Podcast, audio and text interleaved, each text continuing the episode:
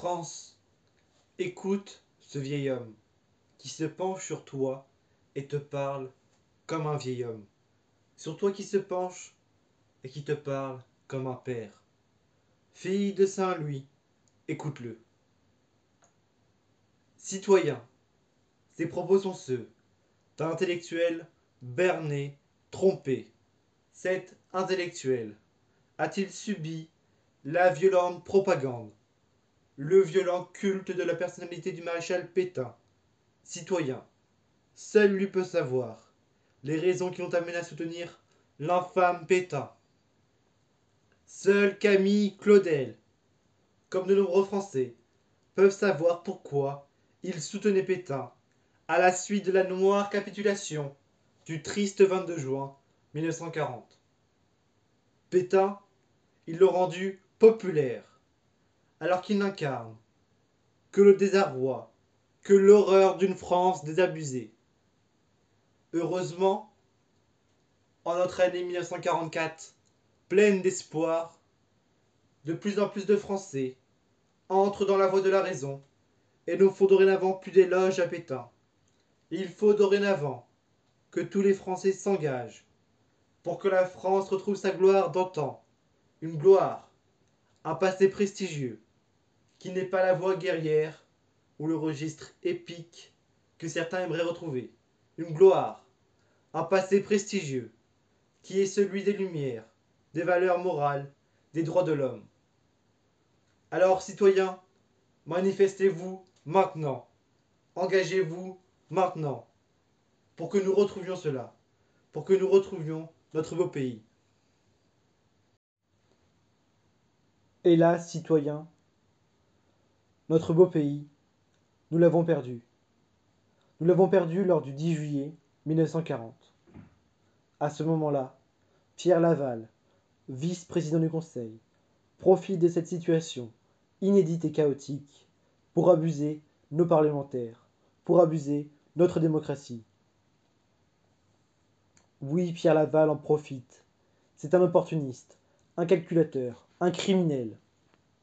Alors, en ce jour, il obtient honteusement les pleins pouvoirs pour le maréchal Pétain. Celui-ci obtient le pouvoir politique, le pouvoir judiciaire, législatif et exécutif. Un jour plus tard seulement, notre démocratie et les jours heureux sont officiellement dissous.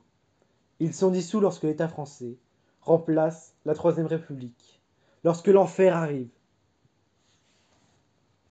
Puis, la propagande nous explique pourquoi notre belle France est en ruine. Si notre beau pays est en ruine, c'est parce que nous avons fait confiance en la démocratie, selon le maréchal. Mais nous, nous sommes ignorants selon le maréchal. Alors, le délit d'opinion réapparaît. Dès lors, plus personne ne peut critiquer ce criminel. Dès lors, plus personne ne peut s'opposer. C'est une honte, citoyens. Nous vivons en dictature. Notre beau pays, celui des droits de l'homme, vit en dictature. Alors, la propagande française nous dit que nous devons écouter le maréchal. Le maréchal, qui lui nous disait que les Allemands ne passeraient pas par les Ardennes, que c'était une barrière naturelle, et que par conséquent, il ne fallait pas de défense fortifiée sur ce, secteur. Quelle belle décision il a prise ce jour-là, puisque la conséquence de ces décisions est de celle de l'état-major, et que dorénavant, le drapeau nazi vole au-dessus de la tour Eiffel depuis le 25 juin 1940. Citoyens, c'est une honte. Une honte qui en rappelle d'autres. Qui rappelle cette terrifiante pensée. Cette pensée qui consiste à croire que si notre pays est en poussière, c'est qu'il était gouverné par des juifs, pour des juifs, lors de la Troisième République. Que notre pays était aux mains des capitalistes, des francs-maçons. Voilà ce qu'il nous montre dans ces ridicules affiches de propagande de la Révolution nationale, éditées par l'immonde René Vacher en 1940. Ici, il oublie que lui aussi a gouverné ce pays, avant, puisqu'il était déjà en charge de la défense nationale. Or, qu'y a-t-il de plus important que la défense nationale en temps de guerre? Ici, il oublie donc sa dignité. Ici, il n'a aucune dignité. Ou il a la dignité d'un éclair. Nous sommes donc dans une dictature, qui par la plus grande logique est censée nous rendre heureux. Nous avons moins de droits, donc nous serons plus heureux. Logique. Alors, Pétain prétend faire ses concessions pour notre bien-être. En réalité, nous subissons un manque de tout, à cause du nouveau diktat que dorénavant les Allemands nous font subir. Nous manquons d'aliments, de matériaux, tout ce qui pourrait nous rendre un peu heureux. Tout ce qu'il faut pour nourrir la terrible machine de guerre allemande qui s'alimente. Alors on peut penser que Pétain n'a jamais vraiment signé l'armistice le 22 juin 1940. Je veux dire que nous souffrons encore, nous souffrons toujours, nous sommes toujours en guerre. Le sort de nos deux millions de soldats prisonniers en atteste, comme celui de nos millions de familles privées injustement de leurs proches. Puisque Pétain fait plus de concessions que ce que les Allemands lui demandent, en livrant nos enfants juifs, nous pouvons le juger. Puisque je revois sa poignée de main, amicale le 24 octobre 1940 avec Hitler, puisque je revois cela, il me fait honte, il nous fait honte, il doit payer pour avoir fait couler les larmes sur notre belle France. Le climat aussi rappelle la guerre. D'abord, le régime de Vicky nous promet l'unité, mais enfin il nous divise et nous sépare de nos frères juifs. En leur faisant honteusement porter l'étoile jaune, en séparant honteusement le jeu des enfants, en retournant leur nationalité à 15 000 personnes, dont 6 000 juifs. Puis il y a ces gens qui votent si loin, ces gens qui collaborent pour leur carrière, pour leur image, pour se faire de l'argent. Il faut dire que ces gens sont une honte pour la France. Ils sont responsables de 13 000 juifs arrêtés. Au nom d'honteuses politiques et xénophobes, ils sont entassés comme des animaux. Ils ne sont pas considérés comme des humains. C'est la honte, camarades. Puis ils sont tristement déportés. Lors de la rafle de ville de Diev de 16 ou de 16 juillet 1942, c'est la honte. C'est l'horreur citoyen. Cet acte est indigne depuis des droits de l'homme. Ce génocide est insoutenable pour l'Allemagne mais aussi pour la France, qui y a participé et nous en parlons avec affroi.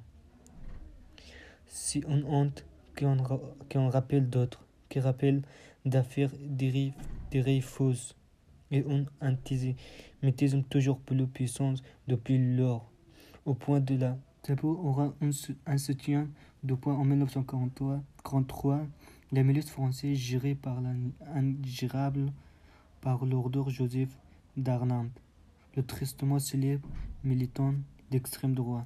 Ce qui est également une honte pour la France, c'est l'action de Pétain, qui envahit au camp de la mort d'enfants juifs que ce que quotas allemands demandaient.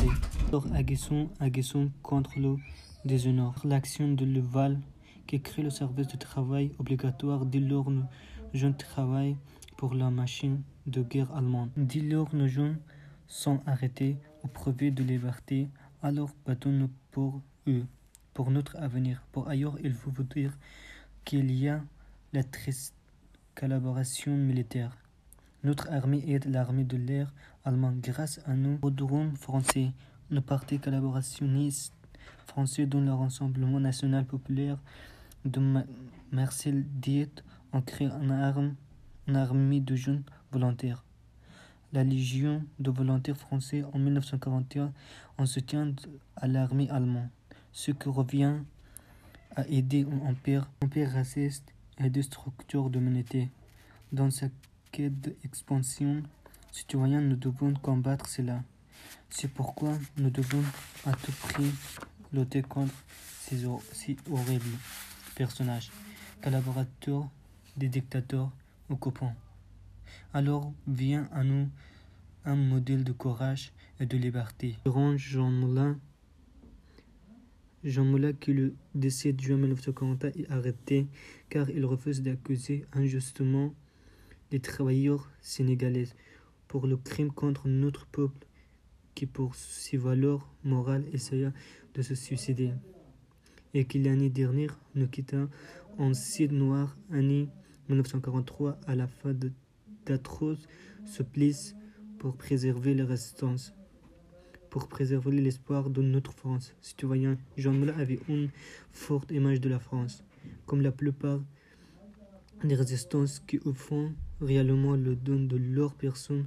Romans au maréchal, oui, ces hommes et ces femmes font le don de leur personne, risquent leur vie pour sauver des vies, pour faire déjouer les machines de guerre en déraillant des trains, en faisant des actions d'espionnage. Oui, ces hommes et femmes sont des héros.